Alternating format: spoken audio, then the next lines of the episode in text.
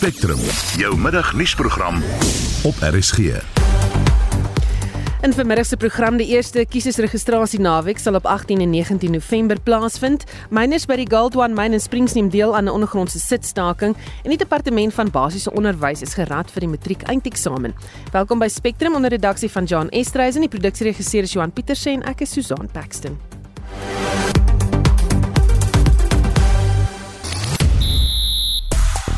Kaiser Chiefs word na die hoofse kantoor geroep en die Stormerskaptein Salman Murad is weer op die krikkelys. Ek is Shaun Jooste vir RSG Sport. X verdedig gebruikers die Springbok Bongi Nambi onder die hitsmerk wit kant nadat daar 'n klag teen hom ingedien is van beweerde rasisme. En op Facebook loop die bokkoers nog hoog waar gebruikers memes deel oor die Springbokke se oorwinning. Hier is 'n paar. South Africans are great even without eggs, so we managed to make French toast and English breakfast. En nog eene vir al die Engelse ondersteuners wat nog nooit Suid-Afrika besoek het nie, het amptelik 'n smash and grab ervaar. En op Instagram praat gebruikers oor die aanlyn toep waar mense liefde en geselskap soek, Tinder wat nou familie en vriende toelaat om aanbevelings te maak. Nou ons gesels oor eh, die verkiesings wat op pad is. Die verkiesingskommissie het vanoggend sy bewusmakingsveldtog vir volgende jaar se algemene verkiesing in Midrand in Gauteng bekend gestel. Die veldtog fokus veral daarop om jong stemgeregtigde kiesers aan te moedig om vir die verkiesing te registreer. Onafhanklike kandidaate sal vir die eerste keer toegelaat word om op nasionale en provinsiale vlak aan die verkiesings deel te neem. Nou is jy gereed vir volgende jaar se verkiesing? Dink jy jy gaan stem? En uh, stuur ons 'n SMS op die nommer 45889. Dit kos jou R1.50 per SMS of stuur 'n stemnota na 076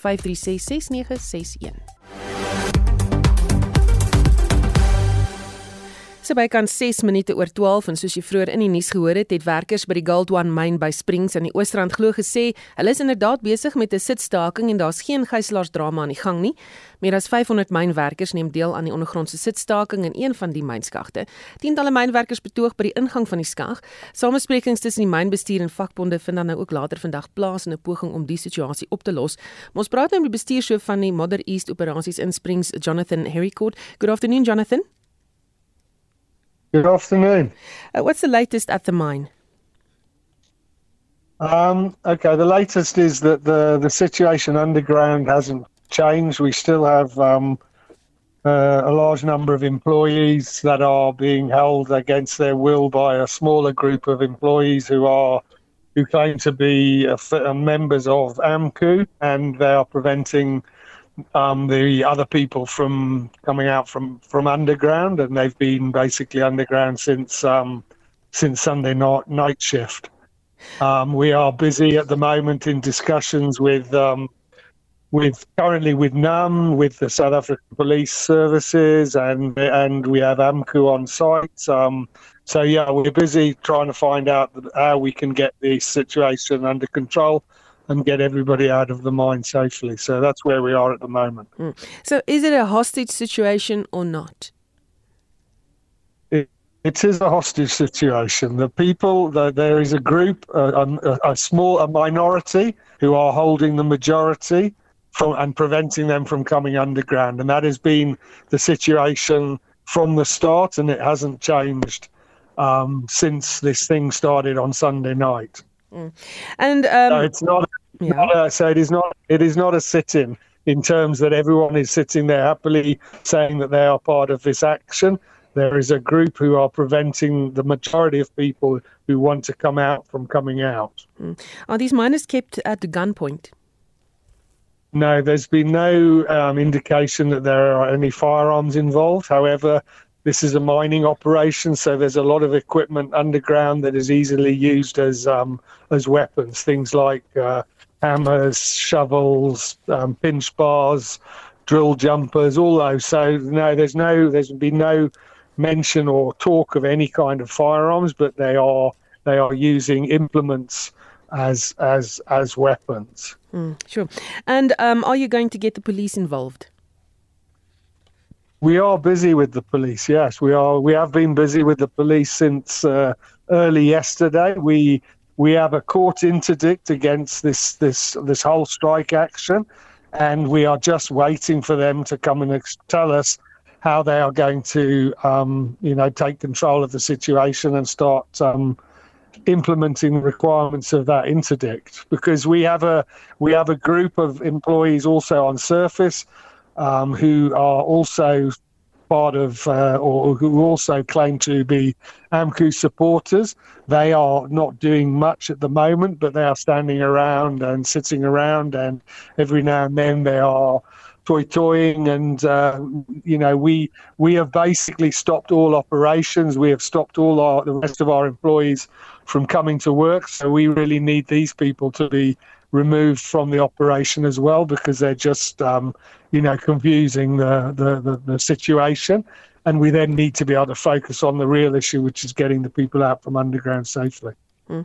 will this influence relations with unions?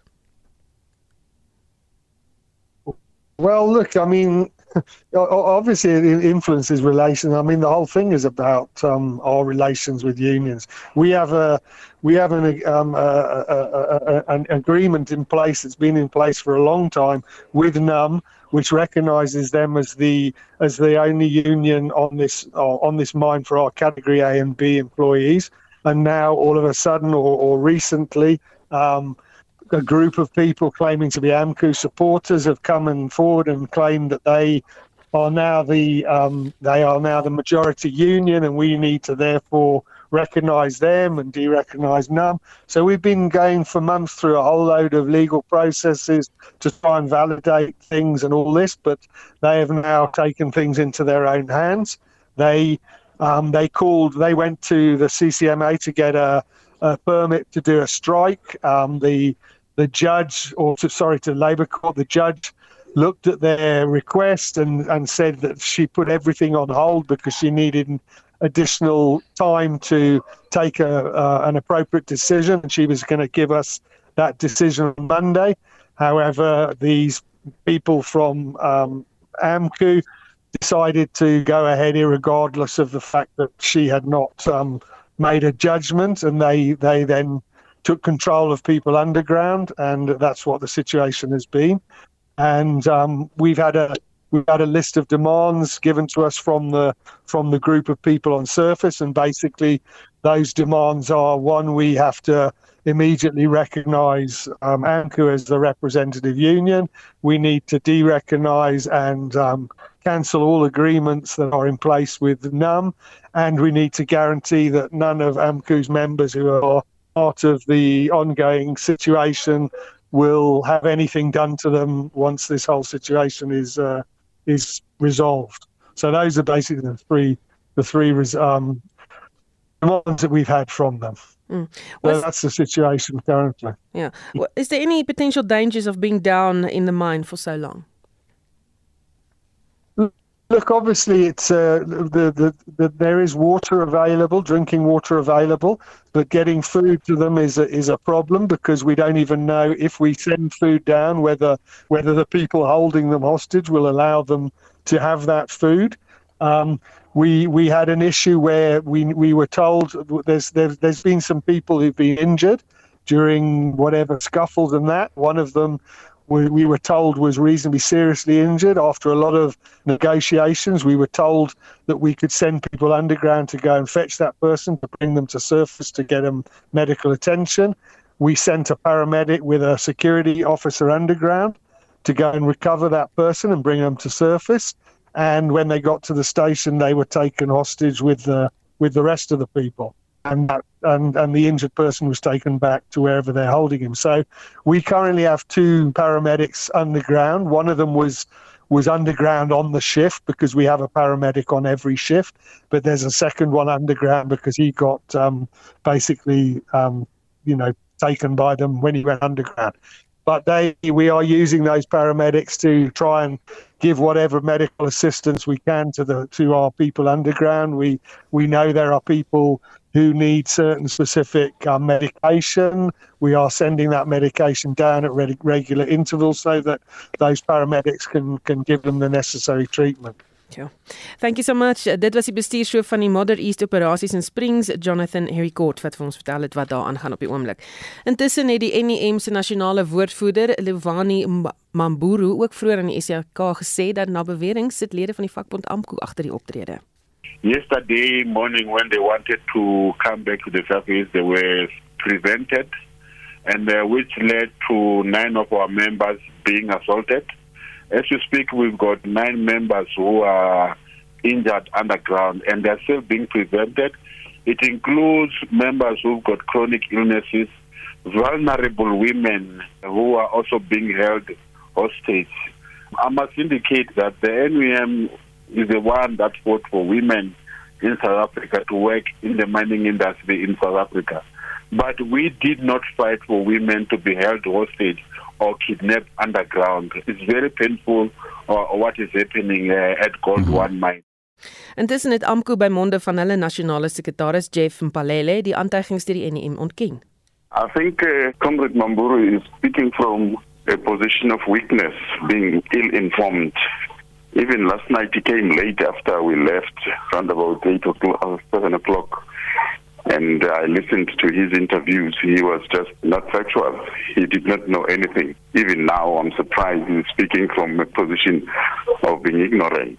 The fact of the matter, he must recognize the fact that NUM was a majority, granted. We agree with that. It was a majority. Now there's a new kid in the block, which is AMCO. That mine organizes, I mean, uh, employs about 1,870 employees. And AMCO has overtaken that, and then AMCO has got 1,700 as we speak. Then it's also not true when he says that AMCO does not have members there. The issue is about organizational rights. We have applied to this mine since March. We submitted 1,200 stop orders. Factually so, stop orders that you can count 1, 2, 3 up to 1,269. And this mine, including NAM, they were just still dealing, not wanting to process. The mine said, no, we will call NAM to come and discuss your stop orders. We are not applying for organizational rights from NAM. We're dealing with the mine. And then they delayed that, nothing happened. April came, on the 11th of April, we were only informed that by the mine that they've got an agreement, they signed an agreement with NUM, which is a closed shop agreement. And what is a closed agreement in the labor movement, in the labor space, is that it blocks every, what you call, every organization to get right in the mine. Every person who comes and being employed at the mine join that union which is there. And things have changed. NAM must just wake up to the call and agree to the fact that AMCO is there to stay as well. Mm-hmm. The nine workers that uh, uh, he is talking about. About being assaulted, yes. Yes, the nine workers that he talks about and say they are held hostage. We don't know about those facts because they have not even went down to the underground to see that those factual, those facts. They only rely upon what the mine is saying. Now, let me tell you, at the dawn of yesterday, when the night shift had to knock off, they did not. This was a concerted effort by egg workers. I am not denying the fact that there may be problems down there because we did also not go under. The, the mine just was detailing and refusing until late last night. So we felt that it's no longer safe. Let us leave. Hmm. So I am going there now to have a meeting with the mine. The priority is to get all the members out. AMCO has never advocated that uh, people should be held hostage. Uh, En dit was uh, die stem van die nasionale sekretaris van AMKU Jeff Mpaglele wat vroeër um, op SAFM gepraat het ons susterstasie. Die Tshwane Metro sê sekuriteit sal verskerp word om busbestuurders en pendelaars se veiligheid te verseker. Polisie het gister 4 mense in hegtenis geneem wat daarvan verdink word dat hulle 3 busse van die Tshwane busdiens met klippe bestook het. Die Tshwane en Ariyeng busdiens het hulle dienste hervat na onbeskermde staking deur munisipale werkers en uh, hier is die woordvoerder van die Tshwane Metro Selby Bukaba.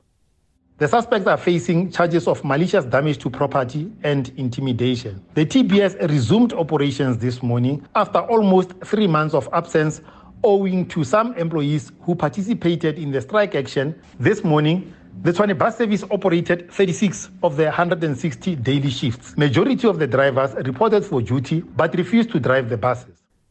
En dit was die woordvoerder van die Tshwane Metro, Sambi Bukaba, en ons praat nou ook eh, verder met die burgemeester van die Tshwane Metro, Silje Brink. Goeiemôre Silje.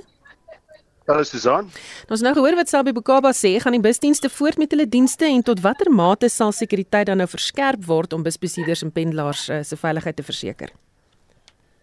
Ja, die busdienste gaan definitief hervat word en uh, ons is vasbeslote anders gaan ons hierdie diens moet toemaak. Dis wat ek vir die vakbonde gesê het ook. Uh as ons nie die diens lewer nie, dan regverdig dit die onkoste nie. Maar natuurlik is dit 'n diens aan die publiek en ek dink hierdie arrestasies wys dat ons ernstig is oor uh sekuriteit, dat ons uh ons maatreëls opskerp en dat daar nagevolge gaan wees vir die individue wat betrokke is in intimidasie en kwaadwillige saakbeskadiging. Is die staking nog aan die gang? Die staking is grootliks gebreek. Ek sou sê 95% van die mense is terug by die werk. Ongelukkig is daar nog steeds geïsoleerde gevalle van geweld. En ek moet vir jou sê Susan, uit die staanspoor uit het die meeste mense wat vir Tswane werk nie aan hierdie staking deelgeneem nie. Die mees ontwrigtende faktor was nog altyd die geweldpleging, die intimidasie, die brand van trokke, busse wat met klippe bestook is en dis meer. Ehm uh, maar ek dink sedert ons vasgestel het dat eh, 'n uh, senior lid van die vakbond SAMU direk betrokke was by die brand van 'n vullisverwyderingstrok en nadat daai persoon ontslaan is en die bewyse oorhandig is aan die polisie, het ons 'n mate tot 'n mate hierdie netwerk wat die geweld pleeg uh, gebreek en aan bande gelê. Dit beteken natuurlik nie dat daar nie nog misdadigers daar buite is wat probeer om die stad uh van stryd te bring nie maar ek hoop hulle besef ook dat ons net so vasbeslote is om dienste in gemeenskappe te hervat. Die kommissie vir bemiddeling, versoening en arbitrasie het aangedui hy wil help met die bemiddelingsproses om die staking te beëindig. Het julle al 'n uitnodiging ontvang? Ons het 'n uitnodiging ontvang en ons het vir hulle gesê ons is heeltemal bereid om deel te neem aan die gesprekke. Dit is 'n kwessie van logistiek om vas te stel wanneer hulle beskikbaar is. Dis redelik ongewoon dat 'n burgemeester van 'n stad betrokke raak by uh arbeidsgesprekke konsiliasie in hierdie spesifieke geval. Maar as 'n uh, gebaar van van goeie trou dink ek uh, is dit belangrik en en ek is heeltemal bereid om deel te neem aan daai gesprekke. Maar ons moet uiteraard van die staansbraf ook sê dat ehm um, die die arbeid die die aansoek in die arbeidshof om kwytgeskel te word om vrygestel te word van die salarisverhogings dit gaan ons nie terugtrek nie. Uh, ons raai besluit in die beste belang van die stad en die inwoners en en ook die die mense wat vir die stad werk geneem. Maar daar's baie ander kwessies waar ons moontlik kan praat en om die lig te suiwer en om net te wys uh, hierdie gaan nie oor 'n uh, 'n uh, 'n bestrawende benadering tot tot uh, georganiseerde arbeid of die vakbonde of werkers nie maar dit regtig gaan oor 'n reddingsmissie hier in die hoofstad. Vermoed jy dit is hoekom jy moet deelneem aan hierdie bemiddelingsproses of hoekom jy genooi is? Ek dink omdat die staking 3 maande lank is en, en omdat daar die die voorstel was dat die betrokkeheid van politieke leierskap moontlik 'n positiewe effek kan hê op op die uit, uit, uitslag van so 'n gesprek. Ehm um, het ek natuurlik ingestem en van die staanspoor af. Ek het al vergaderings ehm um, met met veral SAMU bygewoon, ehm um, net om duidelik te maak dat dit jy weet buitengewoon is dat ek sulke vergaderings bywoon. Maar ek sal dit natuurlik nie in die afwesigheid van die stadsadministrasie doen nie, die munisipale bestuurder en die besonder wat verantwoordelik is vir die arbeidsverhoudinge. Baie dankie. Ek praat met die burgemeester van die Tshwane Metro, Silje Brink. Die verkiesingskommissie het vandag sy nasionale en provinsiale verkiesingsveld tog geloods by Gallagher Estate in Midrand Gauteng. Die 2024 algemene verkiesing sal gekenmerk word deur die feit dat dit die eerste verkiesing is sedert 1994 waaraan onafhanklike kandidaate kan deelneem. Ons praat nou hieroor met Herman Pretorius verbonde aan die Instituut vir Rasseverhoudinge. Goeiemôre Herman. Goeiemôre Susan. Verduidelik tog net weer vir ons hoe ons kiesstelsel werk. Wel, oor die algemeen is dit 'n proporsionele kwessie. As daar is 400 parlementêre setels in die nasionale vergadering en die persentasie setels wat 'n politieke party wen, korrespondeer tot die persentasie van die stemme wat hulle kry. Nou hierdie keer gaan dinge 'n bietjie anders verloop, maar daar is hierdie grondwetlike vereiste op proporsionaliteit, so ons wyk nie te veel daarvan af nie. Hierdie keer gaan daar die geleentheid wees vir onafhanklike kandidaate om te staan op provinsiale streekslyste om sodoende nasionale uh uh parlementêre verteenwoordiging te kan kry. So waar ons op munisipale vlak twee stemme Herman, is jy daar? Nee, lyk like vir my daar's 'n probleem met daardie lyn. Daar's hy. Herman, is jy terug? Ons het jou so effe verloor. Nee, dis reg so. So uh, op nasionale vlak gaan dit hoofsaaklik oor proporsies met die onafhanklike kandidaate wat op streekslyste hierdie keer kan staan, anders as op plaaslike vlak waar elke kiezer twee stembriewe kry, een vir proporsionele verteenwoordiging en een vir uh, die spesifieke kieswyk verteenwoordiging. So dit is ek dink kortom 'n opsomming van as 'n party 'n sekere persentasie kry van die stemme kry hulle 'n sekere persentasie van die setels. Hmm. So, dan uh, kom hier onafhanklike kandidaate nou by en ons wou graag gepraat het met iemand van die verkiesingskommissie omdat hulle nou vandag daai veldtog bekend gestel het. Uh, die eerste uh, registrasie naweek is dan nou 18 en 19 November lyk dit vir my. Maar ehm um, hoe pas die onafhanklike kandidaate in hierdie stelsel in? So die onafhanklike kandidaate gaan op 9 provinsiale streekslyste kan deelneem sodat die aantal setels wat in die parlement gewen word verdeel word tussen hierdie nasionale lys waar onafhanklike kandidaate nie kan staan nie en provinsiale lyste waar die onafhanklike kandidaate kan staan. Ek dink dit is 'n 'n minder as optimale stelsel maar gegeewe die beperkings wat die parlement en die regering oor hulle self gebring het om hierdie tydskaal vir hulle self te beperk, is dit nou maar maar waarmee ons gaan werk lyk dit my natuurlik is daar 'n paar grondwetlike hof kwessies wat nog uitgesorteer moet word en die onafhanklike verkiesingskommissie het vandag na daai uh, uitdagings verwys. Hmm. En sê vir my, ehm um, dit is dit is 'n moeilike stelsel. Gaan dit werk hiervoor? Daar's baie mense wat sê luister, maar uh, ek gaan nie vir 'n onafhanklike kandidaat stem nie want miskien uh, jy weet gaan ek my stem mors.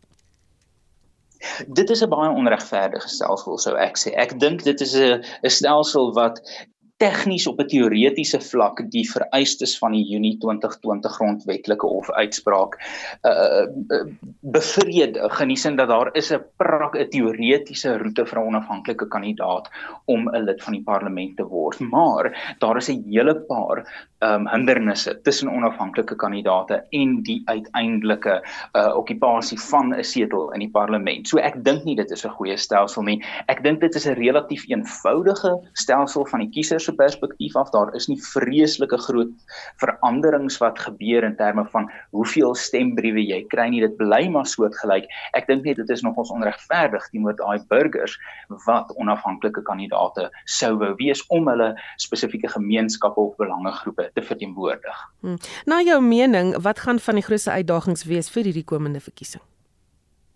die tydlyn. Die tydlyn gaan ongelooflik knap wees. As mens daaraan dink dat die uh termyne van die verkose verteenwoordiging vir verteenwoordigers in middel Mei volgende jaar verval, beteken dit tussen Mei en Augustus volgende jaar moet hierdie verkiesing grondwetlik plaasvind. Nou die probleem is die vertraging van die kieswetstelsel of die kiesstelsel deur die wetgewing wat verander moet word, maak hierdie tydlyne besonder knap want enige veranderings wat aan die uh kieswet nou moet kom, moet deur beide die kamers van die parlement gaan dan moet publieke geleentheid wees vir deelname. So ons kyk dat hier die wetgewing sal waarskynlik finaal wees eers teen April volgende jaar as ons dan aanvaar dat die parlement homself vlugtig kan laat funksioneer. Dit is nogals knyp tydsberekening tussen dan en die verstryking van daai parlementêre en verteenwoordigende termyne. Op die einde van die dag lyk dit vir my asof ons 5 weke basies gaan hê om al die wetgewing gelyk uh, saam te bind dat die verkiesingskommissie ook op dieselfde bladsy is en dat almal kan weet wanneer is die volgende registrasie vir uh, geleentheid wat Februarie volgende jaar sou wees en ook wanneer is kiesdag. Want dan is daar ook die probleem dat daar die electoral reform consultation panel moet sit om hierdie tipe goeders te oorweeg. So volgens my is tydlyn, die knap tydlyn die grootste uitdaging nie. Hmm. Ek kry nou gereeld die vraag of die verkiesing dan nou regverdig gaan wees.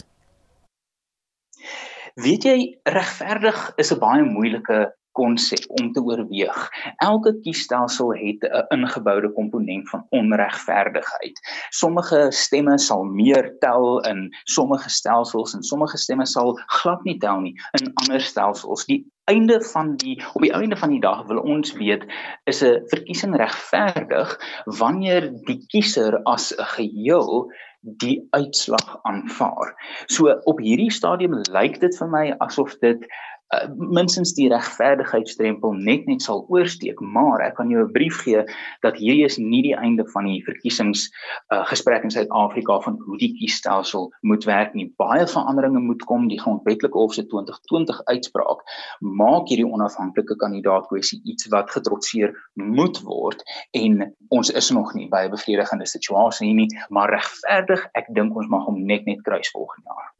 Baie dankie. Dit was Herman Pretorius verbonde aan Instituut vir Rasseverhoudinge. Jy luister na Spectrum. Elke week saterdag tussen 12 en 1. In die tweede helfte van die program die ANC het 3 LPs verwyder wat sedert Mei geen parlementsittings bygewoon het nie en die departement van gesondheid het bykans 2 miljard rand van sy begroting onderbestee. Bly ingeskakel hier op RSG.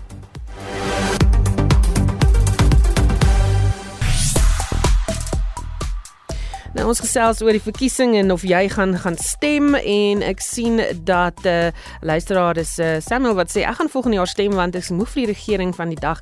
Enigiets anders sal uh, wonders wees sê Samuel vir ons.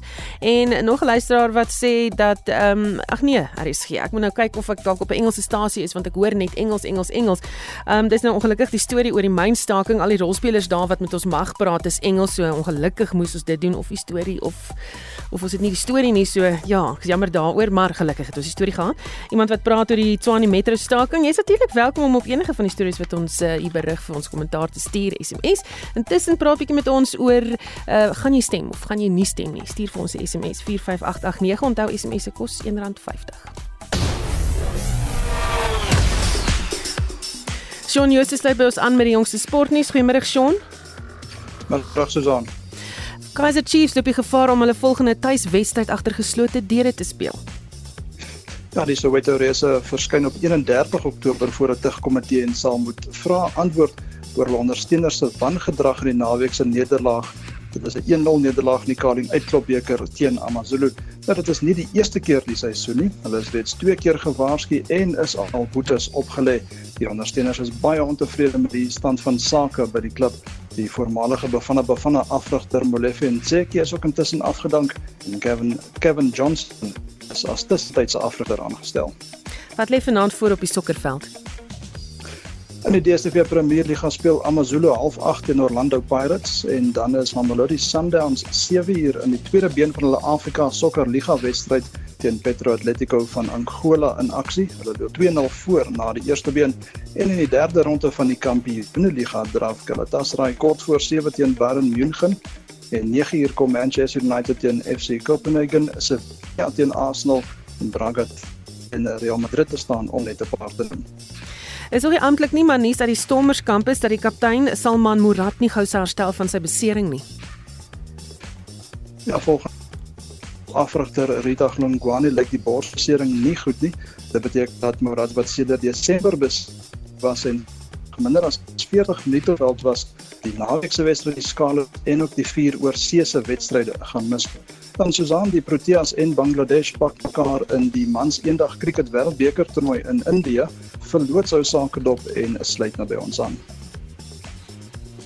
Goeiemiddag baie dankie dit gaan tans baie goed met Suid-Afrika by hierdie wedstryd op die oomblik 167 vir die verlies van 2. Hulle staan in die 31ste bal weer Quentin McCook wat op pad is na nog 100 val en staan op 91 die uiting van 89 saam met hom Aiden Markram die kaptein wat ongelukkig so pas sy paadjie verloor het 60 van 69 balle. So terwyl ons praat om Aiden Markram se paadjie verloor en Afrika 167 vir 3 ons is op die oomblik in die 31ste bal weer. Verloot RSG sport. Die ANC het drie van sy lede as LPs verwyder wat sedert Mei geen parlementsittings bygewoon het nie. Die LPs sluit in Kusatu se eerste adjunkpresident, Chocho James, 'n lid van die portefeulje komitee oor kommunikasie en digitale tegnologie, Nomsa Kopeka, en die moordbeskuldige, Sibusiso Kula. Die ANC het die spreker gevra om die lede in te lig dat hulle nie meer deel is van die nasionale vergadering nie. Ons praat nou met advokaat Stefanie Fik van die organisasie teen belastingmisbruik of Alta. Goeiemôre Stefanie. Goeiemôre Susan. So wat verdien 'n parlementslid min of meer per jaar? Hulle dan af van watter parlementslid jy praat, maar net 'n gewone um, MP verdien so 1.2 miljoen rand um, 'n jaar as 'n salaris. En verdien hulle bykomende geld indien hulle 'n parlementsitting bywoon of is die bywoning van sittings deel van hulle pligte? Nee, ek dink 'n parlement ehm um, uh, om die parlement by te woon, dink ek dit is in essence wat 'n MP moet doen. Nou daar word voorsiening gemaak vir ehm um, die die constituency ehm um, um, engagement met ander woorde waar jy gaan praat met die mense op straat, maar dit was nog altyd baie kontroversieel want as 'n organisasie waar ons baie graag geweet het waar is hierdie kantore, wat is die adresse? Ehm um, hoe maklik is dit vir mense om by hulle uit te kom en parlement kon net nie vir ons ehm um, uh weet sê waar al hulle kantore is nie. So mense moet dit nou ook in ag neem dat die politieke partye as as as deel van van soort van inkomste ook ehm um, ehm um, ook toelaag ontvang en ehm um, in 13 jaar so dis so van 2009 2010 tot so 2021 uh, 2022 het politieke partye so 13.8 miljard rand gekry en dit gaan op met sou opgegaan het vir die vir die volgende 2 uh, jaar na 2.8 um biljoen rand. So totaal vir 15 jaar is 16.7 biljoen rand. So ons moet ek dink as ons praat oor dit wat MP's verdien, moet ons ook praat oor wat die politieke partye kry om dan nou in parlement te wees. Julle gevoel en indrukke oor die LPs wat dan nou verwyder is? Nee, ek dink dit is goed. Ek dink hulle het 'n bietjie te lank gewag om om om om hulle te verwyder. Ek wens nou net parlement wil ook ehm um, ander mense verantwoordbaar hou en mense wat byvoorbeeld geïdentifiseer word in allerlei shenanigans, staatskaping en so voort, dat hulle dalk hulle nou nie verkies tot voorsitters van van van komitees nie, maar oor die algemeen goeie nuus. En sê vir my van ons op 'n jas, wat is julle mening oor die EFF leier Julius Malema se uitsprake oor Landros toe net Olivier wat nie sy vuurwapensaak tersyde gestel het nie? Ag dis belaglik, maar ons ken nou ook nou al vir ehm um, vir versekerde politieke leiers, veral die een ter sprake, is dat ek dink baie keer dit daai uitlatings word gemaak sodat almal oor oor hulle moet praat, want andersins is daar is daar geen aandag nie. So ek dink dis ongelooflik disrespekvol om 'n uh, so tipe uitlating te maak wetende dat die ander persoon kan nie terugpraat nie want uh, dis professioneel van van landroste regters en so aan om nie betrokke te raak by sulke um, media of of laat ek liewer sê sulke uitlatings deur politieke partye nie. So ja, totaal en al belaglik en, en en dit is maar 'n manier om aandag te soek. Baie dankie, dit was advokaat Stefanie Fik van die organisasie teen belastingmisbruik of Alta. 'n Betoging is buite die Nysna Landroshof in die Wes-Kaap gehou waar 'n man vir die moord op sy vriendin verskyn het. Die 55-jarige Anita Pyl is na bewering vroeër van dese maand met 'n panga doodgeslaan. Die beskuldigde was glo uit op parol vir die moord op sy eksvrou. Tanya Krause doen verslag. Anita, enough is enough. Enough is enough. No bail, no bail. No bail, no bail. Die only gemeenskap is woedend oor nog 'n sinnelose moord. Hulle het ook betoog teen geslagsgegronde geweld en die regstelsel wat slagoffers in die steek laat. Lynn Keister is van die plaaslike organisasie Changes of Naisna. Die feit dat sy die nodigheid gevoel het om 'n interdik uit te neem teen hom. Dit moes die sirene laat afgaan het. Dat hy is 'n gevaar. Hy het al voorheen gedoen, hy het uitgekom op parol vir dieselfde misdaad, vir moord. Sy vorige misdaad was moord. Hy was uit weer in dieselfde gemeenskap om weer 'n siel te vat sekerlik moet die wet beter toegepas word. Die slagoffer se familie het haar as 'n liefdevolle mens bestempel, wie se dood hulle verpletter het. Ja, hy hy, was tye was hy na pad moes gegaan het om te gaan net te gaan slaap want sy was bang, sy het haar lewe gevrees en dan sal hy na hulle huis toe gaan en na pad dreig dat hy pa ook sal um, beseer in enige manier wat hy kon uit mense in die gemeenskap gedreig so ons as 'n gemeenskap as 'n gemeenskap en as ook 'n familie ons voel hy verdien nie om uit te kom. Ons is baie seer gemaak en ons is baie ons harte hy seer hy bly ja so. En soos ek het gepaard toe sy vanmôre is ek wel ek he, daar moet geen manier as dat hy kan uitkom vandag nie. Hy sal ook maar maar ook soos vandag gebeur het. Sal hy maar moet doen. Die beskuldigde se borgtog aansoek is tot 31 Oktober uitgestel en hy bly in aanhouding. Ek is Tanya Krause op Nysna in die Wes-Kaap. Die departement van gesondheid het bykans 2 miljard rand van sy begroting onderbestee. Dit terwyl staatshospitale met vakante poste sit en talle ander uitdagings moet hanteer, is egter nie al nie. Die departement staar ook sowat 67 miljard rand se siviele eise in die gesig, maar die skepers het by die DA se skadu minister van gesondheid, Michelle Clark, gaan kers opsteek. Die komitee is die beste oorsig oor hoe die begrotings bestee word. En wanneer die jaarverslae voorgelê word, Die onderbesteding van die hoeveelheid van 'n verras is nie 'n verrassing nie, maar wel 'n teleurstelling gegee die stand van die openbare gesondheid. Is daar enige redes gegee waarom dit nie bestee is nie? Daar is 'n verskeidenheid van redes in die jaarverslag vir die onderbesteding. Baie het te maak met laat implementering van projekte. Waarvoor kon dit alles aangewend geword het? Ons wil graag sien dat die geld verantwoordelik bestee word op waarvoor dit begroot is. Die volvol van vakante poste, die instandhouding en opgradering van infrastruktuur om te verseker dat die fasiliteite genoeg medisyne en mediese voorraad het om pasiënte te behandel. Die probleem is groter as net die geld wat nie bestee is nie, maar dat dit ook bestee is op die regte programme wat noodsaaklik is. Wat word nou van die geld? As ons nie ons begroting spandeer nie, dit beteken dat daai onderverdering aan ander projekte kan gegee word en dit kan dalk glad nie weer terugkom na die gesondheidsbegroting toe nie. Dit was Michelle Clark, die DA portefeulje komitee lid van gesondheid. Buiten die 2 miljard rand wat nie gebruik is nie, staar die departement se file eise in die gesig van 67 miljard rand. Philip van Staden van die Vryheidsfront Plus is 'n lid van die portefeulje komitee oor gesondheid. Hy sê dit was verlede jaar veel meer. Die mediese regseise van ver, verlede jaar het 'n bedrag van 125 miljard rand beloop. Dit was so 15148 eise wat in die departement ingestel is.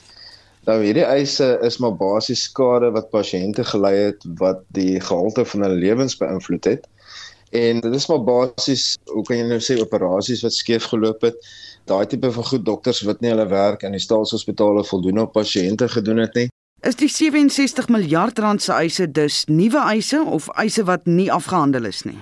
Soos ek verstaan uit die verslag uit, is dit net wat in hierdie jaar toegedien is. Nou daar's nie vir ons voldoende inligting gegee oor of dit die bedrag afgekom het van 125 miljard of hulle daai probeer afwerk het so spoedig as moontlik en of dit slegs vir hierdie jaar is nie. As dit slegs vir hierdie jaar is, dan is dit baie baie hoog. Jy weet dan trek ons amper wat by 200 miljard rand as ek reg is, jy weet. So dit is skrikwekkend hoog in elk geval. Al is dit afgewerk na 67 miljard, is dit nog steeds hoog. Dit moet eintlik nie daar wees nie. Daar moenie so iets wees nie, want hierdie regseise veroorsaak nou dat hospitaaldienste aan pasiënte nie uitgebrei kan word nie. So in terme van ons sit al reeds met 'n verkleinende begroting in die departement van gesondheid. Daai geld moes gegaan het vir die aankoop van mediese toerusting, die vol van kritieke poste want ons sit met 'n groot tekort van dokters en verpleegsters in ons staatshospitale. Kritieke poste wat nie gevul word nie. Mense met die regte vaardighede word nie aangestel nie. Daar's groot gebrek aan in interne beheer maatreëls in terme van die audit en daar's ook 'n gebrek aan oorsig vanaf die provinsiale departemente en die nasionale departement. Dit was Philip van Staden, die Vryheidsfront Plus se portefeulje komitee lid van gesondheid en ek is Marlie Skeepers vir SAK nuus. Altesaam 921 000 matrikulante begin Maandag met vanjaar se matriek-eksamen. Die eksamen word geskryf by net meer as 6300 skole en 550 private sentrums. Die gehalteversekeringsliggaam Omalusi sê indien daar enige foute in vraestelle voorkom, is protokol in plek om dit te hanteer. Omalusi sê ook streng veiligheidsmaatreëls word gevolg om te verhoed dat vraestelle uitgelek word. Ons praat hieroor met die adjunktekaan van die Universiteit van die Wes-Kaapse Departement van Onderwys, professor Roan Marman. Goeiemôre Roan. Goeiemiddag Susan en jou luisteraars. Uh, wat kan ons van vanjaar se eksamen verwag? Wel, ehm um, oop vraag, né? Nee? Uh ek dink elke jaar word ons gekonfronteer met meer en meer ehm um, uh, uh, uh, uh baie moeilike omstandighede in sekere sentrums. Ek dink die groot probleem in Suid-Afrika is dat sekere provinsies se vermoë om eksamens uh, suksesvol te te moniteer en te administreer. Ek dink dit is die groot ene. Van ons sien toe toenemend elke jaar dat dit 'n probleem is in Suid-Afrika. En sê vir my Omalusi sê protokol is in plek gestel om situasies te hanteer indien daar enige foute in vraestelle opgespoor word. Was daar foute in van die vraestelle in verlede jaar se eindeksamen?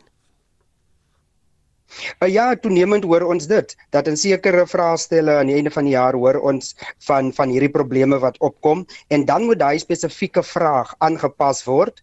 Maar wat wat hulle deesdae doen is om te sê dat die vraestel word dan uh nagesien uh deur in ag en hulle neem in ag dan die foute wat daarop is en daar's dan soos van 'n normatiewe punt wat dan aan aan leerders toegeken word in sulke gevalle. So dit gebeur wel, yes. Sê my is daar voldoende veiligheidsmaatreëls in plek om die uitlek van vraestelle te verhoed? Dit is een wat ek dink um, ons ons regtig mee sukkel in Suid-Afrika. Ek dink hierdie stelsel is nou te groot om dit om dit sentraal te te beheer. Die 920 000 matrikulante uh sê vir ons dat die stelsel word toenemend baie groot. Um, en dan ook natuurlik uh daar is die menslike faktor. So foute gaan insluip in so 'n groot stelsel in um, uh, ons moet dit maar net aanvaar. Dit wil nie sê dat ons ons optimum moet uh, uh probeer om seker te maak dat ons dit verseker in 'n goeie en goeie kwaliteit eksamens uh, uh, uh te doen in Suid-Afrika nie. Hmm. Omalusi sê kragopwekkers is gereed vir wanneer beerdkrag toegepas word, maar beerdkrag kan ook 'n beduidende impak hê op matrieks wat vir die eksamen moet leer. Ja nee, dit is dit is beide kant. Aan die een kant is is beerdkrag onvoorspelbaar en dit is ook kontekstueel. Dit is wat ons weet in Suid-Afrika. So dit is onvoorspelbaar want soms gebeur dit nie volgens die skedule nie. Ander kere is dit langer as die skedule. Uh kontekstueel in sekere areas afhangende van waar die skool geleë is of waar die studente bly, um speel 'n rol in hoe die beerdkrag daar uitspeel. Maar ek dink leerders veral en hulle onderwysers moet nie net op daardie skedule staat maak nie. Ek dink ons moet ander maniere probeer hoe om te verseker dat ons dat ons goed voorberei vir die eksamens. Hmm, ek wil vir julle 'n ander raad wat 'n uh, matrieks hulle self of kan gebruik om hulle self behoorlik voor te berei. Ja, ek ek sal twee uitlig. Die eerste een is goeie beplanning teenoor uh, uh, hierdie lang tydperk van die eksamen. Deesdae is die nasionale eksamen aan die einde van die jaar strek so ver as oor 4 weke. So in daardie 4 weke kan baie gebeur. Uh, ek weet in die ou tyd in die 90s en 80s was die eksamen ingeprop in so 2 2 en 'n half weke en en en dan is jy klaar daarmee. So uh daar gaan soms langer as 'n week verby voordat leerders sekere eksamens skryf, sekere vraestelle skryf. So vir my is dit baie belangrik dat daar beplan word rondom daai tydsduur. Die tweede een is natuurlik die studiemetodes. So onderwysers moet nog steeds volgens my aan diens wees om die matriekleerders te te ondersteun uh in terme van uh, studiemetodes van die verskillende vakke wat leerders skryf um, vereis dat mense op verskillende maniere moet moet voorberei. So ek dink dit is twee belangrikes uh, om uit te lig op die stadium. Baie dankie. Dit was professor Roan Marman verbonde aan die departement van onderwys aan die Universiteit van die Wes-Kaap. Die Hooggeregshof in Durban het gehoor dat die sakeman, Tashin Pandey en sy agt mede-beskuldigdes nie 'n regverdige verhoor sal kry as hulle nie volle toegang het tot die polisie aansoeke om selfoonoproepe te onderskep en al die opnames nie. Die beskuldigdes se regspan het gister betoog gelewer in 'n aansoek voor regter Kosi Gadebe. Die beskuldigdes het glo geknoei met kwotasies vir verblyf vir polisielede tydens die 2010 Sokker Wêreldbeker waarna omkoopgeld glo betaal is om 'n stokkie vir die polisie ondersoek te steek. Dries Liebenberg berig. Na verskeie versoeke aan die staat om toegang tot bewyse, het regspanne van Pande en sy mede-beskuldigdes 'n formele aansoek voor regter Kosi Gadebe in die Durbanse Hooggeregshof ingedien. Pande is aanvanklik in 2010 in hegtenis geneem op aanklagte van bedrog. Die KwaZulu-Natalse direkteur van openbare vervolging het uiteindelik in 2015 besluit om hom nie te vervolg nie.